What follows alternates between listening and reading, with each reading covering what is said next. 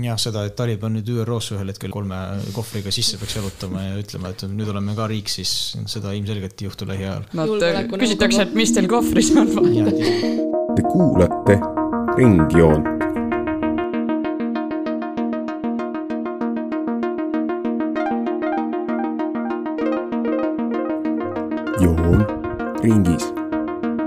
Tere tulemast, kallid kuulajad, on äh, uus hooaeg, uus sügis ja meie oleme ikkagi samad vanad kalad siin äh, Ringjoone saates. minuga on täna Jan-Lukas Videvik. head uut sügist. Solveig Niitra. head uut sügist ka minu poolt. puldis on Saskia Lilli Lehtsalu. tere ja mina olen saatejuht eh, Helen Eglit.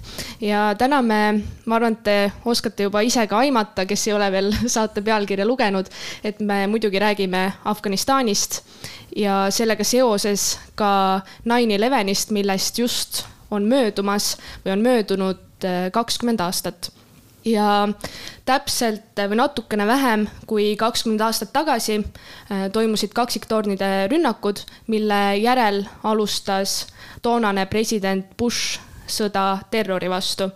ja kuigi nüüd mõni nädal tagasi äh, tõmmati Afganistanis USA tegevusele nii-öelda joon alla, siis kas me saame rääkida sellest, et see sõda terrorismi vastu on päriselt läbi, kas Afganistaniga ongi nüüd äh, lääneriikide jaoks kõik?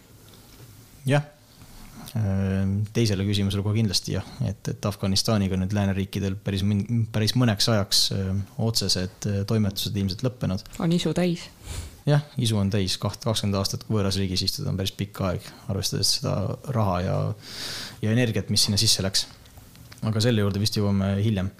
Äh, seda, kas sõda terrorismiga läbi on, noh, sõltub poliitikust, kes seda parasjagu tahab öelda, aga üldiselt me enam seda retoorikat USA sisepoliitikas ei kohta ja maailmas rahvusvahelisel staadiumil me ka ei räägi enam counter to global terrorism, vaid me räägime lihtsalt international stability'st ja, ja sellistest asjadest, mis äh, on rohkem juba rahvusriiki, riikide kesksemad, kuivõrd mingisuguste väikeste organisatsioonide kesksed. Ma võib-olla lisaks siia juurde selle, et, et sõda terrorismi vastu, et varasemalt on võib-olla USA meediaagentuurid ja erinevad ajaleheväljaanded ja nii edasi, nad on kõik rõhutanud just nagu sellist sõda terrorismi vastu, aga terrorism kui selline on olnud alati väga üldistatud. ja ma kipuks arvama, et peale seda Afganistani kogemust äh, nad on natukene ettevaatlikumad sellest vastase demoniseerimise osas, et äh, ma arvan, et nad ei hakka enam niimoodi üldistama, sellepärast et äh, mitte ainult riigijuhid, vaid ka inimesed, äh, Ameerika rahvas on, ma arvan, õppinud natukene sellest Afganistani hoiatavast näitest. Okei okay,, kui, kui see oli natuke üldine, siis ma pisut parandan ennast, et siin terrorismi all minu arust võib näha kahte suunda, et esiteks, kui oletame, et, äh, et see terrorismivastane võitlus äh, võib taas saada aktuaalseks, sellepärast et ütleme, et kui Talibanist saab riik äh, või mitte nüüd ütleme siis riik, vaid ikkagi organiseeritud tugev terrorirühmitus, kes hakkab tegema organiseeritud rünnakuid lääneriikide vastu, näiteks nagu see oli kakskümmend aastat tagasi, siis sellest võib probleem saada.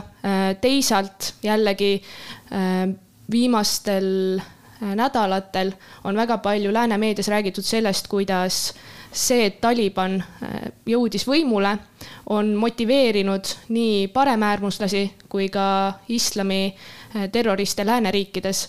sellepärast, et see, see, et, et meil on selline terroriorganisatsioon, kes tegi sellise võidukäigu, on justkui andnud neile nii-öelda hoogu juurde. et kas need kaks arengusuunda ei võiks probleemiks saada no ma ei näe mitte mingisugust põhjust, miks praegult äh, Talibani võiduga siis peaksime ütlema, et nüüd hakkab paremäärmuslaste ja vasakäärmuslaste ja islamiäärmuslaste ja kelle iganes äärmuslaste võidukäik nüüd siin kusagil Euroopas ja mujal maailmas pihta. ja ka igasugused luureagentuurid on seda öelnud, et seda on nähtud, on nähtud korrelatsiooni nende kahe sündmuse vahel. aga kas samas näiteks Kapitooliumi mäss samamoodi ei õhutanud neid paremäärmuslikke terroriste? ei, kindlasti, aga noh, praegu kui rääkida Talibanist, siis äh, on, kardetakse seda ja juba nähakse seda, kuidas äh, Taliban võib motiveerida neid äärmuslasi lääneriikides. no tõsi on see, et äh, Taliban ei ole enam USA nagu peamine probleem et, et Taliban on oma olemuselt ikkagi väga Afganistani keskne rühmitus, nemad ei, ei aspireeri väljapoole minemaks enam. ja, ja USA-l on kindlasti muid probleeme Jeemenist alates kuni Iraanini välja ja mujalgi välja. Ehm, praeguse seisuga isegi siis, kui need luureagentuurid, keda ma praegult ausalt öelda ei tea, keda sa praegu refereerid, äh, räägivad seda. no näiteks äh, Ühendriikide see peamine äh, luureagentuur. United States Central Intelligence Agency või, või mis? vabandust, Ühendkuningriigi hmm. ajasin kaks väga tähtsat riiki sassi, mul on väga piinlik jah, Ühendkuningriigis, täna lugesin selle kohta, et tolle juht olevat sõnanud nii. no võib-olla aga, aga hetkeseisuga selline global terrorism ei ole asi, mida minu alandlikul arvamusel väga palju peaks justkui kartma, et, et antud hetkel võib-olla lihtsalt otsitakse järjekordset äh, viisi, kuidas äh, endale rohkem tegevust leida ja nagu siis suunata oma ressursse järjekordse mingisuguse terrorismi vastase laadse operatsiooni või, või kampaania nimeks. kes tahab endale tegevust leida? no ongi needsamad ka, valitsusagentuuride puha on ju. Sounds like a et neil ei ole muud teha ei no, ei lihtsalt, et vaata hetkel nagu ma arvan, et me nagu vaatame seda asja natukene hästi siuksest alarmistlikust positsioonist, kus kohas nagu ähm, nüüd nagu, kus Taliban on võidu, nüüd just järsku on tekitatud mingisugune väga suur vaakum maailma poliitikas millest on siin Eestis ja välismaal väga palju räägitud, et Afganistan on selline suur lääne läbikukkumine ja nüüd, mida see kõike halba meile toob. Ähm, no samamoodi näiteks ka noh, mis toob halba, järgmine asi on kindlasti, milleni me ikka jõuame, on, on praegune ja ka tulevane põgenikelaine, mis, mis praegu on tulnud ja mis, mis ka tulevikus tuleb. et esiteks, kui Taliban tõesti ütleme, tuleb võimule seal, ta seab üle, üles sellise režiimi, nagu on kardetud, siis äh, Afganistanist võivad hakka, hakata tulema massid, mitte see, et ma nüüd kardaksin, et et äh, islam võtab Euroopa üle, et see ei ole probleem, vaid, vaid näiteks jällegi terrorismi äh, puhtalt seisukohast on räägitud sellest, et nende põgenike seas võivad tulla näiteks ka Talibani nii-öelda terroristid, üksikud inimesed, kes hakkavad siin mingeid äh, oma rakkesi looma. Ma ei tea, see on jälle nii kuidagi suhteline väide, vaata ja ma, ma samamoodi olen tegelikult Jan Lukasega nõus, et, et nad ma ei ole siiamaani täheldanud, et nad oleksid äh, kättemaksuhimulised lääne suhtes.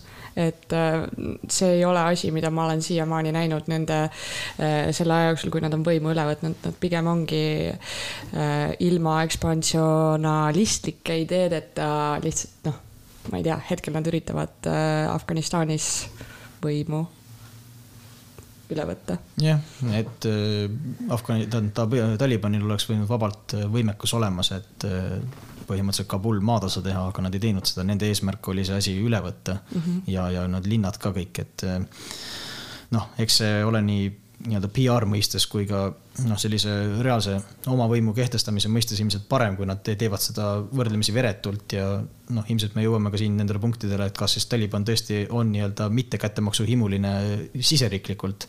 ja ma arvan, et seda võib-olla mitte, et, mhm. et äh, see, sellised repressioonid äh, ikkagi, ma arvan, kruvitakse siin tulevate kuude ja aastate jooksul piisavalt palju peale, et see, et see ei noh, nii-öelda nagu, nagu meil narratiivides tahetakse öelda, et, et kõik need progressid, mis siin viimase kahekümne aasta jooksul Afganistanis on tehtud, et need kõik nüüd pööratakse tagasi noh, kas siis kiviaega, keskaega või kuhu iganes mujale aega, inimesed tahavad seda öelda. et siin on tõesti nagu tegelikult ju terve põlvkond inimesi üles kasvanud, kes on elanud tegelikult noh sellises demokraatialaadses moodustises.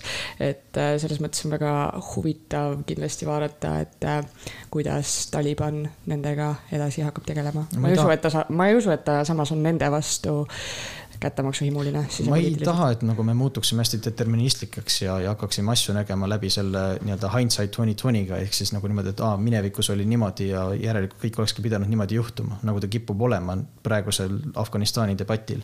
aga Afganistani sisepoliitika ei olnud kunagi eriti stabiilne selle viimase kahekümnegi aasta jooksul ja USA-l noh, eeskätt oli siis väga keeruline leida piisavalt palju mm, ütleme, stabiilset ja, ja järjepidevat äh, sihukest äh, kandjaskonda, kellel nagu, kelle najal see riik siis nagu luua.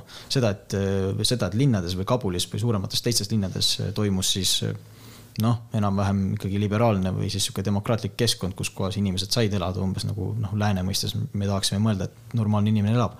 siis maapiirkondades pikalt ju ikkagi Taliban oli võimul ja nagu seda ei suudetudki välja, välja tõmmata. et, et ma arvan, et see on natuke liiga optimistlik vaade sellele, et mismoodi oli see viimased kakskümmend aastat ja et kujutleda ette, et nüüd nagu väga palju tagasipöördumist väljaspool linnasid, seda justkui on, kahtlen. selles mõttes ja sul on, sul on õigus, et maapiirkond on, on siiski noh, suurem osa Afganistani kogu pindalast, eks ole, ja suurem osa elanikkonnast tegelikult elab ju maapiirkondades. et selles mõttes ma sellega olen samuti nõus, et, et kindlasti maapiirkondadesse see see sõda terrori vastu võib-olla isegi nii hullult ei jõudnud ja see demokraatia rajamine ei jõudnud ja, ja noh, mis see ühele kitsekasvatajal on, et kes võimul on, kui palju, kui palju tema sellest tegelikult osa saab, see on. noh, muutub maksude suund, aga nagu võib-olla see on ka kõik, et. Äh, nagu ma aru sain, siis äh, Taliban ei paku enam lääneriikidele ohtu aga mis siis nüüd edasi saab, et eh, kas, kas Taliban kuidagi hakkab enda tunnustuse suunas edasi liikuma, et ta võib-olla tõesti muutub selliseks eh, pisut pehmemaks võimuks, eh, kui kardetakse või mis hakkab Talibani juhtkond nüüd edasi võtma järgmiste kuude jooksul näiteks? Ma sain aru teie jutust, et, et lääneriikidele nad ei soovi ja nad ei taha enam ohtu pakkuda nii välis kui ka sisejulgeoleku mõttes. Minu arust on hästi reljeefne asi, mida praegult ju justkui välja tuua, et, et ma või arvan. no ma kuidagi noh, jäi. ei, ei lihtsalt, et vaata nagu see, ma tulen tagasi korraks selle eelmise argumentatsiooni juurde, et, et Talibani võit tähendab justkui seda, et me hakkame nägema terrorismi suurt võidukäiku üle siis Lähis-Ida ja, ja maailmas ja noh, nii edasi. noh, ma lihtsalt ei usu, et see, see nagu niivõrd drastiliselt hakkab juhtuma. see võib toimuda, aga nagu me ei tea seda. ja mis toimub Tali-, mis toimub Afganistanis sise, siseriiklikult, siis seda ega me ka täpselt ei tea, me kõik spekuleerime siinkohal Äh, seda, et äh, kas Taliban ei ole enam lääne loht, äh, ma ei tea aga ma arvan kohe kindlasti, et Taliban kujutab läänele kindlasti palju vähem ohtu, kui ta kujutas seda kahekümne aasta eest.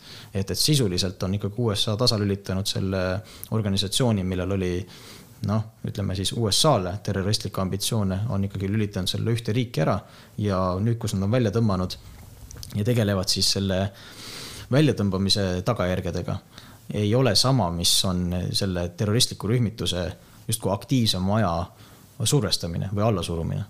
Need on erinevad asjad no ja sellest ma, ma nagu ei mõelnudki kuidagi seda, et Talibanist saaks järgmine Osmani impeerium äh, seal, mis ei, laiutab ma... üle Lähis-Ida, aga lihtsalt kuidagi. ei saa öelda, et Taliban ei oleks ka oht läänele, aga lihtsalt, et see sõltub perspektiivist, see sõltub sellest, et mida USA või lääneliitlased või kes iganes püüavad siis selles regioonis edasi hakata toimetama et, et Talibani võim Pakistanis võib olla täiesti märkamis, märkimisväärne. on räägitud sellest, et Islamabad peaks olema, kahetsema seda, et, et, et nad üldse nagu Talibani siin viimaste kuude jooksul väga aktiivselt toetasid. aga nagu seda, et mismoodi siis Pakistan lõppkokkuvõttes selle eest nii-öelda kuidas ta, kuidas ta seda kahetsema peaks, siis seda me lõpp, nagu me ei tea, vaata nagu see, see kõik nagu ilmneb natukene pikema perioodi vältel. ja ma ei usu seda, et Taliban hakkab siin vägagi reljeefseid välispoliitilisi ambitsioone lähiajal tekitama, see on kogu minu point. võib-olla sisepoliitikat, kui vaadates, siis noh, Taliban, millele ta nagu esimest korda võimule saades, millele ta siis nagu rõhus oli näiteks, eks ole, see, et Afganistani kodusõja või noh, Afganistani sõja järgselt oli, eks ole, väga suur probleem näiteks sellega, et, et äh, vägistati naisi, vägistati lapsi ja see, mida nad hakkasid tegema, kuidas nad populaarsust äh, kogusid, oli ju, eks ole, see, et nad äh, poosid üles need lapsevägistajad, need naiste vägistajad ja nad ütlesid, et šaria süsteemi kehtestamine on see, mis nagu aitab selle vastu. et nemad loovad süsteemi, nad loovad korra, nad panevad asjad paika, sellepärast et see, mis oli seal sõjajärgselt toimumas, see oli tegelikult väga kohutav. ja seepärast nad äh, seda populaarsust ka kogusid, aga kuidas nad nüüd nendele samadele asjadele peaksid hakkama rõhuma, et, äh, et miks nad seekordselt peaksid siis äh, või noh ma ei tea, see on nii tüüpiline terroriorganisatsiooni mõtlemine, et okei okay,, me tuleme, me saame võimule ja me kehtestame šaria loo, šaria õigustiku aga šariaadi no, seadused. šariaadi seadused. Et, et aga mis edasi saab, et see on, see on tõesti noh, suur spekulatsioon, sellepärast et äh, kindlasti naiste õigusi hakatakse piirama ja kui varasemalt see oli nende kaitseks kui selliseks, siis mille jaoks nüüd on?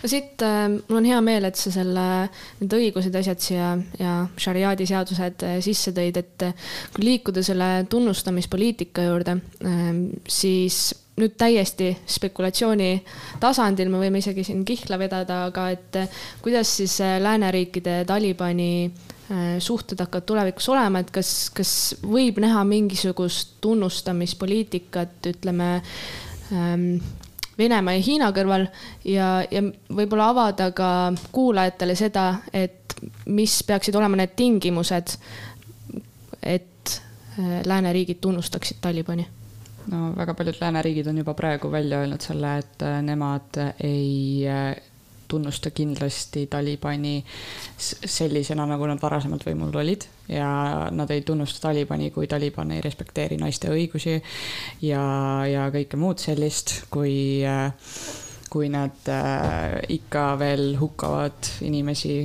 kõige sellega jätkavad, siis noh, Talibaniga kui sellisena, millisena me teda tunneme äh,, sellisena ma ei näe ühtegi lääneriiki tegelikult teda lähiajal tunnustamas jah, seda, et Taliban nüüd ÜRO-sse ühel hetkel kolme kohvriga sisse peaks jalutama ja ütlema, et nüüd, nüüd oleme ka riik, siis seda ilmselgelt ei juhtu lähiajal. Nad küsitakse, et mis teil kohvris on. jah, et isegi, isegi kui palestiinlastega on siin väga palju probleeme, siis ma arvan, et Taliban on nagu isegi selles võtmes veel mitmekümne aasta kaugusel, et siin üldse midagi toimetama peaks. aga, aga vähem, vähem naljatlevalt, siis äh, tegelikult praegult lääne tunnustus ei ole see kõige olulisem asi, sellepärast et. Äh, pigem regionaalne. pigem regionaalne, jah et, et äh, esmajärjekorras on Talibanile on oluline see, et tagada riigis siis oma see kord.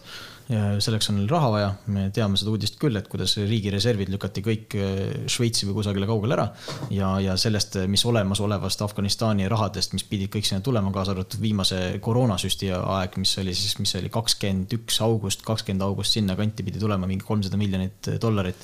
et see kõik jäeti siis äh, nagu seina taha ja sellest, mis Afganistanil enne oli, on Talibanil praegu käes null koma üks, null koma kaks protsenti. mis nad praegu ütlesid siis, äh, need on enamjaolt, eks ole, USA pankades, et praegu nad ütlesid siis vist, eks ole, seda, et äh, et siis, kui nad šariaadi seadusi ei kehtesta, siis neil on võimalik see kätte saada või mis need tingimused olid selleks, et äh, et üldse no, lääneriigid kaaluksid nende reservide tagasiandmist? no seal ongi see küsimus, et miks, miks ma tahtsingi äh,, mul on hea meel, et Jaan Lukas need suured rahad siia sisse tõi, aga et, et miks ma tahtsin selle, selle teemani jõuda, ongi see, et, et Talibanil ei ole väga palju ressursse, et praegu midagi nii-öelda üles ehitada, et praegu on välispankades umbes neliteist miljardit dollarit pluss IMF-i rahad ja lääneriigid ütlesid seda, et need rahad antakse tulevasele Afganistani valitsusele siis, kui, kui see on normaalne valitsus. ehk siis isegi kui de jure ei tunnustata seda riiki, siis de facto peaks olema mingi tunnustus seal olema, vabandust jah, de facto peaks seal olema mingi tunnustus olemas. ei, ei, ei, muu maailm ei tunnusta Afganistani praegust valitsust no, Afganistani kui riiki tunnustatakse muidugi ikka. mitte ja, aga et, et seal on nüüd need Talibani kulid eh, võimul ja ja, ja selleks, et, et noh, nad peavad olema nagu, et seda, neid rahasid ei kasutataks ära, ma ei tea, mingite naiste tapmiseks või midagi sellist. et neil peab olema mingisugune ikkagi konsensus selle poliitika osas, mida viidakse läbi Afganistanis mm. -hmm. No, et see, neid rahasid saada. ja see sõltub lihtsalt sellest, et kui palju on Taliban nõus siis oma nii-öelda noh, presentation'is äh, nagu nii-öelda näitama oma seda pehmemat külge, nagu meie tahaksime seda näha. ma ei tea, ma võib-olla nagu praegu võtaks selle noh, riigi rahad, mis on välismaal, ma võtaks selle praegu ära ja mõtleks võib-olla selle peale, et hetkeseisuga on meil Afganistanis esile kerkimas humanitaarkriis, väga laiamahuline humanitaarkriis. Ja nagu kas lääneriigid tegelikult siis peaksid tingimuslikult või tingimusteta äh, tsiviilelanikkonda äh, Afganistanis toetama et hetkeseisuga. jõuame pärast sinna, ma tahaks kõigepealt enda esimese, ma tean, et sa lükkasid ilusti ära, aga kõigepealt äh, ikkagi tahaks, noh, selles mõttes raha on vaja. samamoodi, et kui on -hmm. humanitaarkriis, praegu on ka, et tegelikult just minu arust täna või eile äh, tuli ÜRO välja sellega, et Afganistan on riigina kokkukukkumise äärel mm. -hmm sinna juurde lähevad vaesus, koroonakriis, mida iganes, aga, aga nii riigi ülesehitamiseks, enda võimu kindlustamiseks kui, kui ka üldse humanitaarkriisi vältimiseks on vaja raha. on ja hetkel on meil Hiina, eks ole, kes on äh, Just. lahkelt nõus, see on kolmkümmend üks miljonit dollarit andma, eks ole. miljardit vast ikka. miljardit jah, sorry, miljardit, vabandust, minu paha. no see on jah, see on kõva summa. ja sealhulgas on siis vist, eks ole mm,, koroonavaktsiinid äh,, humanitaarabi, kõik, kõik, kõik ja noh, Hiina, ma arvan, ongi tegelikult siis äh, hetkeseisuga Afganistani kõige potentsiaalsem liitlane, majanduslikult eelkõige just ma ei usu, et Afganistanil saab olema tõelisi liitlasi siin lähiajal üleüldse. Pakistan eelkõige vaata siin ei no, saa nagu sellest rääkida, aga nagu seda, et justkui me räägiksime, et Afganistan riigina või Taliban valitsusena peaks hakkama mingisuguse olemasoleva ploki poole liikuma, siis ma sellest sügavalt kahtlen. Taliban on lihtsalt niivõrd keeruline moodustus, millega lihtsalt väga ei saa nagu läbi rääkida ja. aga kas nad ei ole just viimastel aastatel päris osavalt äh, läbi rääkinud? jaa, kohalikul tasemel, aga nagu noh, võib-olla ta, ta nagu noh, see, see, see ei tõlgendu ümber sellesse, mis on siis rahvusvaheline kord ja rahvusvaheline õigus ja rahvusvahelised lepped. sellepärast, et äh, Taliban on osanud viimase kahekümne aasta jooksul teha mida? varastada olemasolevat varustust ja siis sellest oma organisatsiooni ära elatada. Nad ei pane pommi iidsetele hoonetele alla, aga nagu põhimõtteliselt nad tegelevad ikkagi sellise noh, kõrgklassi kuritegevusega öelda nüüd seda, et siis, et nüüd järsku Kabul või siis no nii-öelda uus Kabul hakkab toimetama siis Pekingiga mingisugustel energialepingutel ja nüüd hakatakse mingisuguseid uusi pipeline'e sealt eh, läbi selle Afganistani, Hiina kuru nagu läbi tooma ja siis sellest kusagile Iraani või, või Golfi väina hakata need uued nagu naftalaadungeid seal laskma või mida iganes muud taolist, onju, et see on, see on nagu ebarealistlik hetkel. pigem paneks lääneriigid mingisugused sanktsioonid peale, ma arvan. võta, võta korraks nagu, võta ennast sellest lääneriikide nagu sellest vaatepunktist ennast mm -hmm. lahti meie läänemaailmana sisuliselt praegu ütlesime, et me ei jaksa sellega tegeleda, me tõmbame nihhi. nii, korras. ja nüüd oleme läinud. kolmekümne esimese augusti seisuga olid kõik operatsioonid sisuliselt läbi, nüüd mingi viimased inimesed pakivad oma asju kokku ja nüüd on see asi nagu sihuke avatud pind. et, et nüüd on nagu see, kus kohas kõik harjuvad, et Venemaa ja Hiina ja Venemaa ja Hiina ja mis iganes muud asju. siin kuidagi meie endi või siis selle lääne meedia pertseptsioonis on kuidagi nagu hästi noh, niisugune veider tõik, et nad ei suuda lahti öelda sellest, et Afganistan on läinud ja nüüd nagu umbes niimoodi sellega kogu, kogu see nende üles ehitatud maailm siin viimase kahekümne pluss aasta jooksul on järsku nagu kokku kukkunud. no ei ole, et, et tulemus on lihtsalt selles, et lõpetati sõjalised operatsioonid riigis, mis oli juba niikuinii disfunktsionaalne ja, ja siis see lihtsalt jäetakse sinna põhimõtteliselt isekeskis võitlema. USA tõmbas ennast välja, USA tegeleb muude asjadega aga nagu nüüd, kus USA tõmbas ennast sellest lahti, kui mitusada tuhat inimest neil selle rotatsiooni või kahekümne aasta jooksul käigus oli, kes olid selle, selle Afganistaniga seotud ja kui palju miljardeid USA sinna alla läks? see oli mingi ulmeline summa, mingi üheksakümmend pluss miljardit või? ja see oli ikka palju, palju.. midagi taolist mm, -hmm. mis on noh, isegi USA mõistes on ikkagi väga-väga suur summa ja see on ühe mingisuguse piirkonna patsifitseerimiseks, mis lõppkokkuvõttes ei töötanud. Kas me nüüd saame oot-, oodata seda, et, et, et nüüd järsku, kuna Talibani viha ameeriklaste ja jänkide vastu on niivõrd suur, et, et nüüd järsku nad löövad siis Pekingiga rõõmsasti käed kokku ja ütlevad, et nüüd oleme best friends forever ja hakkame nüüd koostööd tegema, hakkame energialeppeid ja ma ei tea, mina tarnin oopiumi läbi sinu, ma ei tea, Hongkongi, Shanghai kaudu läänemaailma laiali, et see nüüd hakkab järsku vohama, on ju. no võib-olla see nagu nii, noh, kindlasti see ei ole nii radikaalne, nagu sa kirjeldasid, aga kuskilt on vaja seda raha ja mingeid lepped tegema, mitte nagu see, et nad hakkaksid, eh, ma ei tea, liitriiki looma või midagi sellist, aga, aga noh, mida, midagi on vaja teha mm. -hmm. no aga kes on siis Talibani suured sõbrad olemasolevad? Ainult teised organisatsioonid teistes riikides, kes nagu ise on ka põlu all pigem. sellepärast, et kõik suuremad rahvusriigi tasemel või ütleme lihtsalt täna, tänapäeva riigi moodustuse tasemel riigid ei saa avalikult Talibani toetada või noh, võib-olla välja arvatud siis Pakistan siin olukorras. no praegu on Katar ka ikkagi mingil määral toetanud. no Pakistan on üldse huvitav mäng, et äkki sa natuke seletad seda Pakistani, Talibani suhet lahti? no sisuliselt äh, Pakistani, Talibani suhe nii palju, kui mina sellest aru olen saanud, on toiminud lihtsalt selle Ameerika nii-öelda vastase koalitsioonina, kus kohas Pakistan näeb, et viis, kuidas hoida USA-d küll regioonis, aga ikkagi Pakistanist piisavalt kaugel eemal, on toetada siis Talibani nagu võitlust ja ühtlasi see nullib ka India, India lootusi nagu olla USA-ga nagu tihedamas koostöös, sellepärast et Pakistan on niivõrd tugevalt võima, võimeline lihtsalt Afganistani mõjutama ja USA tegeleb eelkõige ikkagi terroristlike organisatsioonidega, mitte siis Pakistani näitel võrdlemisi stabiilse islamistliku äh, riigina, kus kohas noh, kus sest nendega saab läbi rääkida. Pakistanil on meeletult palju võimu, neil on meeletult palju tegelikult inimesi ja, ja suhteliselt palju ressursse selleks, et regionaalsel tasemel olla suur häda, punkt üks ja ka võrdlemisi suur liitlane ja Pakistan mängis seda topeltmängu kuni siis põhimõtteliselt praeguseni välja ja, ja suhteliselt edukalt, võiks öelda noh, seal on pikemalt, on üldse nagu taustaks see, et mismoodi Pakistan proovib äh, ennast Indiast nagu võimalikult lahti mängida ja kuidas ta proovib iseenda noh, mõjuvõimu, stabiilsust, asju suurendada. et, et Pakistan on selgelt hiinlameelne, hiinameelne, me teame seda. Pakistan ja India on omavahel pidevas sellises täringus, et kas, kas läheb sõjaks või ei lähe sõjaks. täringus. no täristamisel täringus on et, et uued sõnad siinkohal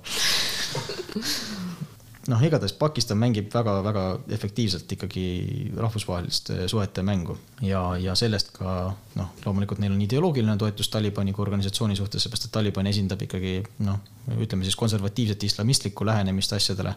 ja aga samas nagu Talib, vabandust Pakistan ise ei, ei, ei taha, et see asi nagu nende territooriumil üles pildiks, nad on valmis neid talibanlasi eh, enda juures hoiustama. minu meelest umbes poolteist aastat tagasi toimus üks suuremat sorti õhurünnak USA vägede poolt Pakistani enda territooriumil, kus kohas siis lasti terve mäejogu neid Talibani võitlejaid õhku aga, aga nagu see oli ka üks viimaseid eh, selliseid eh, kokkusattumisi, mis on suuremat meediakavast kajastust leidnud.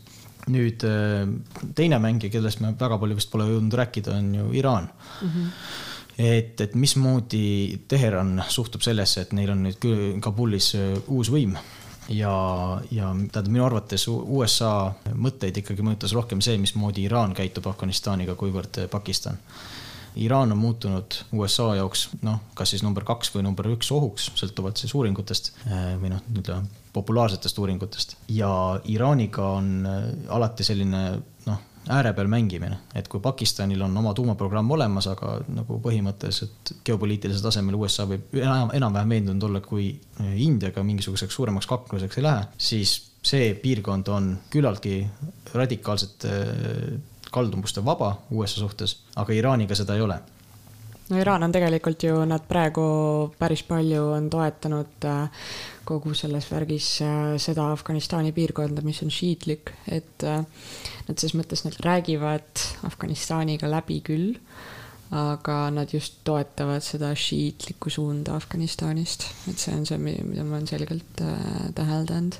no nagu kogu, kogu Lähis-Idas, siis Iraan lihtsalt mängib oma, nagu sa ütlesid, šiitliku kaardi peale, nad proovivad tekitada võimalikult palju ebastabiilsust kõrvalriikides selleks, et iseendal olla võimalikult stabiilne. Iraan on vägagi militariseeritud riik, keegi ei räägi Iraani invasioonist siinkohal, sellepärast et see on veel raskem kui Afganistan ja, ja siinkohal noh, Iraan lihtsalt proovib ennast mängida paremale positsioonile siis selles heitluses Saudi Araabiaga ja Türgiga ja, ja muu maailmaga, et, et aga Iraan mängib nagu minu meelest natuke kõrgemal tasemel kui Pakistan sellel, selles mõistes, et mis hakkab nagu kohalikus poliitikas rolli mängima. kuigi ma siin äh, saate alguses üsna resoluut-, resoluutselt ütlesin, et Afganistanis tõmmati või Afganistani projektile tõmmati joon alla, äh, siis äh, Solveig väga hästi tõi siin vahepeal välja selle humanitaarkriisi aspekti, kuhu, kuhu ma tahaksin nüüd teid pisut suunata. et kuigi see otsene sõjategevus on Afganistanis läbi, siis kuivõrd ikkagi lääneriigid peavad nüüd ütleme moraalsest kohustusest lähtuvalt Afganistani panustama, et see riik äh, täiesti kokku ei kukuks, isegi kui ütleme, äh, Taliban võtab selle suuna, et ta on tõesti väga radikaalne šariaadi seaduste suhtes ja puuduvad igasugused õigused, siis kas lääneriigid, kuidas ja kui palju üldse hakkavad eh, sealsesse olustikku sekkuma?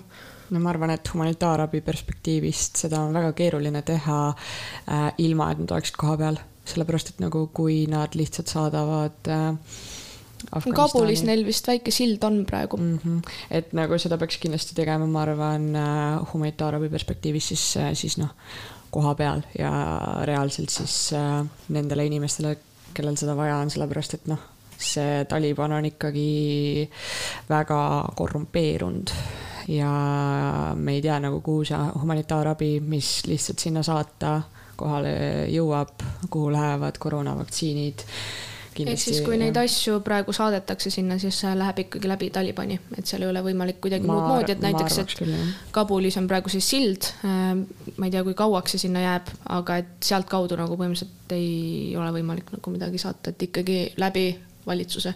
Ma arvan, et see läheks lihtsalt läbi valitsuse, sellepärast et Taliban äh, tahab ju kehtestada täielikku kontrolli üle selle piirkonna ja miks siis peaks humanitaarabi mingi teise värava läbi käima ehk siis see kujuneb üsna, üsna keeruliseks, isegi kui tahetakse seda teha. ja, aga ma arvan, et see on väga vajalik, sellepärast et see humanitaarkriis, mis seal praegu on algust saamas, see mõjutab meid ka otseselt tegelikult ju sellepärast, et põgenikud jõuavad üks hetk otsaga ka Pakistanist ja Iraanist siia, nii et noh, selles mõttes see on, ma arvan, oluline asi, millega peab tegelema seal tundubki, et on kaks aspekti, et üks asi on see pragmaatiline pool, et tulevad tõesti põgenikud muidu ja siis peab Eesti jumala eest võtma vastu rohkem kui kolmkümmend pagulast.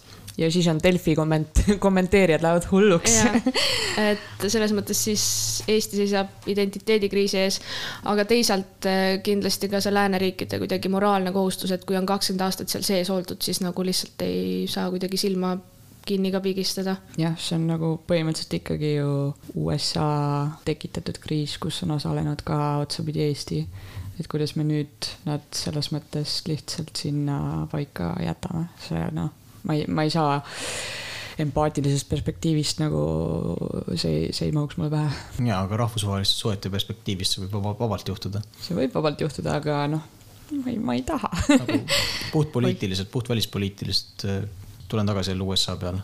Neil ei ole mitte mingisugust põhjust sinna Afganistani hakata ühtegi ressurssi tagasi viima. jah, seda võib teha. humanitaarabi korras ei ole põhjust või? ei, ma ei usu ka nagu nad võivad seda nii-öelda suusoojenduseks öelda ja mõned miljonid või mõned sajad miljonid saata, vaata see on nende jaoks köki-möki. aga nagu noh, eelkõige vaata, mismoodi Punased Ristid ja teised organisatsioonid siis peaksid seal Afganistanis toimima nii-öelda Talibani kaitse all. no me peame alles nägema seda asja Taliban peab kõigepealt, noh, siin viimasel ajal on meedias räägitud hästi palju sellest, et kuidas Taliban on nagu seest, nagu sa mainisid, korrupeerunud ja selline hästi hõre organisatsioon, kus kohas lihtsalt eh, esiteks sul ei jagu ressurssi ja teiseks sul lihtsalt ei ole piisavalt palju kontrolli selle maa üle. igatahes nagu antud hetkel, isegi siis, kui tahet, tahta rääkida humanitaarabi saatmisest, siis sa ei saa selle kohale jõudmises punkt üks kindel olla Talibani pärast sest et Taliban ei pruugi seda ise nagu laiali jagada ja punkt kaks sellepärast, et see võib-olla isegi ei jõua Talibani kätte. et, et see võib lihtsalt sealt vahepealt täiesti ära kaduda ja see eeldaks punkt kolm seda, et sa saadad, saadad uuesti sõdurid sisse. aga nagu seda me kindlasti teame, et ei juhtu ja, ja me oleme tagasi surnud ringi juures, kus kohas lihtsalt antud hetkel ma ei usu, et, et humanitaarabi hakkab siin tilkuma järgmise noh, kuude jooksul Afganistani sellises mahus sisse, nagu sa tahad öelda, et see kriisi väldiks või parandaks või leevendaks või mis iganes. no siis ongi konkreetselt see, et sisse astub selline tegelane nagu Hiina, kes on, kes on nõus seda andma ja Hiina mõju piirkonnas jälle kasvab, et kas see on siis nagu parem alternatiiv kas sa arvad, et Hiinal on piisavalt palju ressursse, et Afganistani humanitaarkriisi vältida või? Ma ei tea, kas seda on piisavalt, et humanitaarkriisi täielikult vältida, aga kindlasti näiteks suurlinnades ma arvan, et äh, esiteks neil on ühena ainsatest riikidest Venemaal ja Hiinal on siis ainsate riikidena veel alles seal alaline saatkond, eks ole. et see aitab neil juba eelisjärjekorras Talibaniga nagu lähedasemalt tegeleda. et ma kindlasti arvan, et üks suurimaid humanitaarabi toetajaid, kui Lääs seda vastutust nagu enda peale hetkel ei võta, siis ma arvan, et see on Hiina ja aga mis siis saab, kui Lääs ei võta seda enda peale mm,? nagu siis... kui palju siis, kui palju siis suudab Hiina selle arvelt heategevust teha selleks, et Afganistanis tagada mingisugused paremad tingimused kui seda, kuhu, kuhu poole see praegult liigub no,? Hiina kas see on, kas see on Hiina eesmärk üldse? jah, ma, ma ka kahtlen, et see on Hiina eesmärk. aga vaata... Hiina konkreetselt noh, mida me teame siis äh, teiste riikide ja Hiina suhetest ongi see, et Hiina ei anna midagi ilma vastutasuta, eks ole. et äh, siis hakkakski igasugune ressursside väljavedu, mis muudaks selle Afganistani piirkonna veel vaesemaks.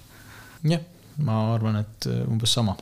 Afganistanis on triljonite jagu igasuguseid maaressursse ja Hiinal on tõenäoliselt väga hea meel panna käpp peale sellele, kui nad saadavad Kabuli või suurt, suurematesse teistesse linnadesse humanitaarpakette ja, ja teki-, tekitavad sajaaastased lepingud, kus kohas siis omale kaeveõigused ja, ja mingisugused infrastruktuuriprojektid endale rajada. aga nagu vaata, see, see ei ole nagu see asi, mida me praegu siin peaksime diskuteerima. Äh, siinkohal on lihtsalt see, et lähenemine oli see, et missugune peaks olema lääne lähenemine siis antud uuele olukorrale sina räägid sellest moraali, moraalsest aspektist või eetilisest aspektist, et me peaksime, meie kui lääs peaksime minema siis uuesti tagasi Afganistani selleks, et tagada seal mingisugune humanitaarne kollapsi, noh, vältimine, noh, nii edasi. aga nagu võtta niimoodi puhtrealistlikult, et niimoodi ma ei, nagu ise kahtlen, et seda nagu juhtub. no nagu, nagu ma enne seletasin. ma arvan, et me ei ole lihtsalt selles positsioonis läänena, et rääkida siin eetilisest käitumisest nüüd Afganistanis ja nagu. miks? sest et praegult on kõik nii ebakindel nagu meil ei ole sihukeseid nagu tugevaid struktuure, Taliban ei ole ka iseennast täiesti tsementeerinud äh, mööda maad laiali niimoodi, et me saaks tegeleda sellega kui töötava organisatsioonina, kes vähemalt äh, selles järjekindel, et, et, et nagu nad saavad hakkama. nagu praegult on ikkagi niivõrd palju asju on õhus, ma ei taha öelda kaoses, sellepärast et me ei tea seda jälle, puhas spekulatsioon aga nagu siin võtab teatud hulk kuid aega, enne kui Afganistanis olukord selgineb piisavalt palju, et, et me saaksime jõuda järeldusele, et mida siis justkui Afganistaniga edasi teha omalt poolt võttes.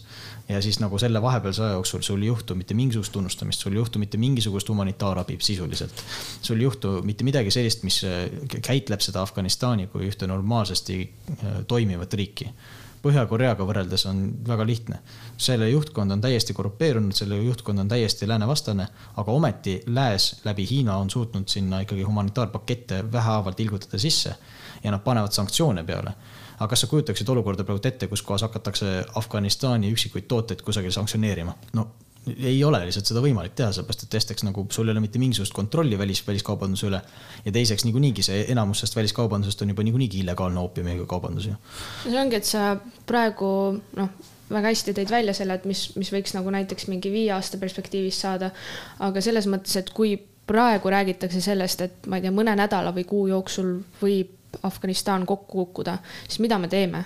seal on noh, miljonid inimesed, kes on lihtsalt niisama ja ma ikkagi leian äh, seda, kuigi saatejuht jällegi ei tohiks arvamust avaldada, aga siin ma olen äh, näpp on püsti ja räägin, et ikkagi, kui USA on olnud seal kakskümmend aastat, siis mingisugune, mina ei ütle seda, et neil peaks olema moraalne kohustus, aga neil kindlasti on sellise ühiskonnana nagu USA sellega tegeleda. jah, aga USA välispoliitika on ajendatud eelkõige viimasel ajal sisepoliitilistest sündmustest ja sisepoliitiline sündmustik hakkab sul kohe vastu karjuma, et vaata Iraaki, vaata Afganistani, sellest on vähem kui kakskümmend aastat möödas, meil läks kõik perse ja nüüd me peaksime justkui tagasi minema ja hakkame seal mingisugust uue, uut interventsiooni tegema. ei, nad ei lähe see on, see on tagasi, nad ei lähe tagasi nende vägedega, millega nad läksid siis või milline oli nende vägede kulminatsioon, ma ei tea, aastal kaks tuhat üksteist vist, äh, vaid, vaid lihtsalt mingi. rahuvalvemissioonina tahad sa öelda, et. no midagi sellist, et oleks võimalik neid inim-, noh, sa võid öelda rahuvalvemissioon, aga kuidagi, et saaks neid inimesi aidata, sest nagu mida teha. ja, ja ma ei usu, et USA jääb lihtsalt nagu kaks kätt taskus seisma ja siis ma ei tea, noh. ja kui nad nii hullult on kaitsnud kogu aeg neid demokraatlikke väärtusi, inimõigusi ja nii edasi, kas inimõigused ei ole, ma ei tea, noh kõik see, mis humanitaarabiga tegelikult hetkel. ei no ongi, et isegi kui Biden mõtleb, et tead, tegelikult ma ei taha seda teha, Äh, et see võib olla nagu ikkagi tundmatu maa, kuhu minna või, või samme teha selles sfääris, siis ikkagi Ameerika inimesed on juba üsna sealmaal, vähemalt mingi segment, vähemalt tema valijad, kes ootaksid talt sellist sammu, et lihtsalt ei jäeta neid niisama, mitte see, et me läheme uuesti vägedega sisse, hakkame Talibani vastu võitlema, vaid me võitleme nende inimeste eest humanitaarabi näol ma spekuleerin jälle see retoorika meenutab väga palju seda, mida viimase kahekümne aasta jooksul on räägitud. sa lähed äh, nii-öelda äh, mingisuguse suurema eesmärgi pärast intervjueerid riigis või, või piirkonnas, kus kohas sa tunned mora-, ja ma kasutan natukene nüüd anglitsismi, moraalset obligatsiooni selle nimel, et seal olukord parendada ja, ja tagada mingisugused inimlikud väärtused. seda tegi USA erinevates staadiumites, erinevate presidentide all kogu aeg selle viimase kahekümne aasta jooksul selles konkreetses piirkonnas, mida me nimetame Afganistaniks. ja ometi see pole nagu toet töötanud. ja ma saan aru sellest, aga nagu. humanitaarabi ei ole mingi ideoloogia, mida nad üritavad seal kehtestada. see ei tähenda seda, et nad läheksid, hakkaksid võitlema võitlema nende inimeste vastu, nad ei lähe sama põhimõttega, et võtta Taliban maha. ei, ei, aga vaata. Nad lähevad teise põhimõttega, nad ei lähe nagu noh, ütleme, okei okay,, ma ei lähe nagu, nad lähevad püss käes, aga nad ei lähe nagu püss käes selle mõttega, et nagu nüüd ma lähen teen kellelegi selle püssiga. no vaata, Washingtoni interventsioonid on alati olnud mingisuguse humanitaaria või demokraatia või vabaduse kaitse bännerite alt ju edasi viidud. aga lihtsalt nagu antud hetkel ma lihtsalt ei saa seda, ma ei näe seda Afganistani puhul sest et lihtsalt, et nagu, nagu varasemalt öeldud, olukord on nii ebaselge, neil on just see valus latakas käes sellest, eriti evakuatsiooniprotsessist. ja, ja nagu neil, neil lihtsalt ei ole seda populaarset tahet, et isegi humanitaaristlikel põhjustel hakata see minu meelest eh, midagi, mingisugust korda tagama. Nad võivad köömneid visata loomulikult, et nagu lihtsalt päästa nägu ÜRO ees või, või lihtsalt nagu rahvusvahelise kommuuni ees.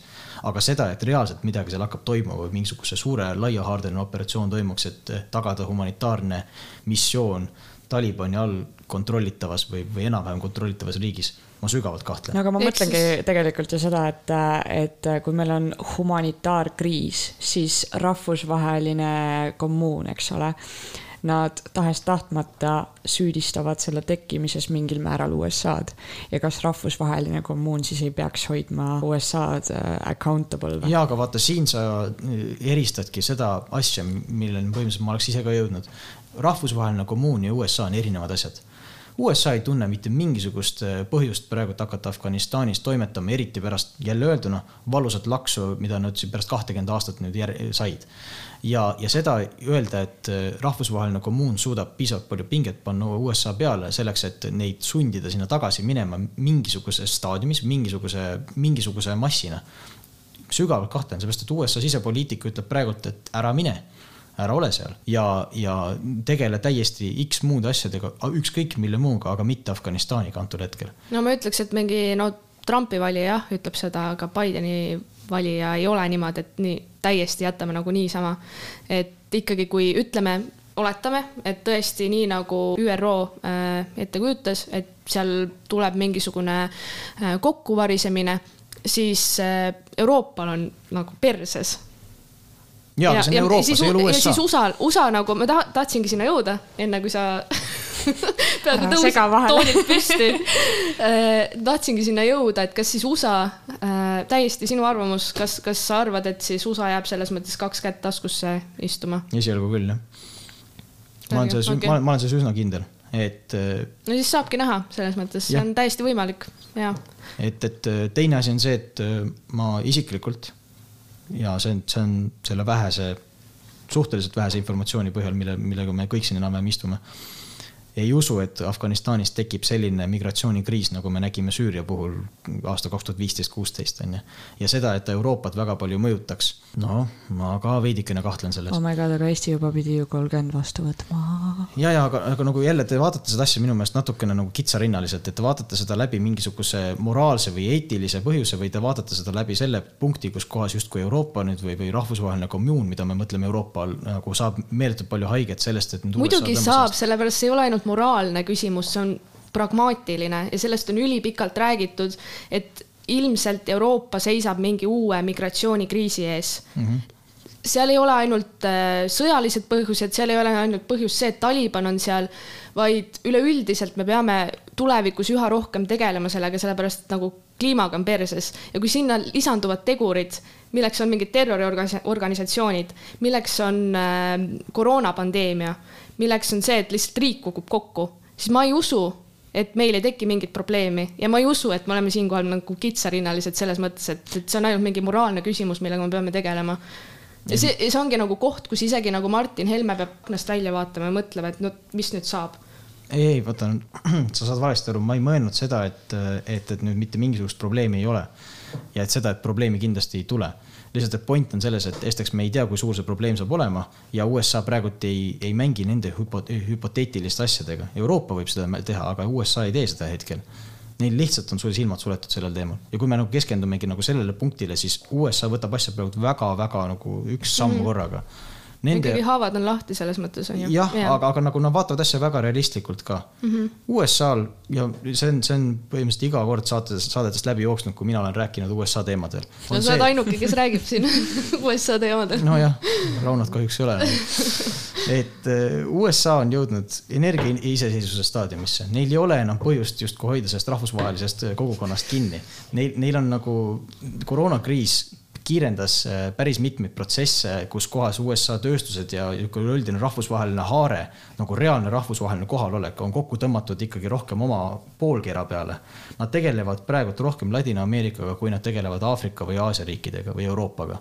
ja, ja siinkohal ei saa öelda, et, et, et nüüd justkui hea tahet äh, Euroopa ja USA vahel, mida näiteks Bideni administratsioon väga nagu selgelt esindab, et see justkui realistlikult peaks jätkuma siis sellesse olukorda, kus kohas hakkab siin mingisugune suur migratsioonikriis pihta või midagi sellist.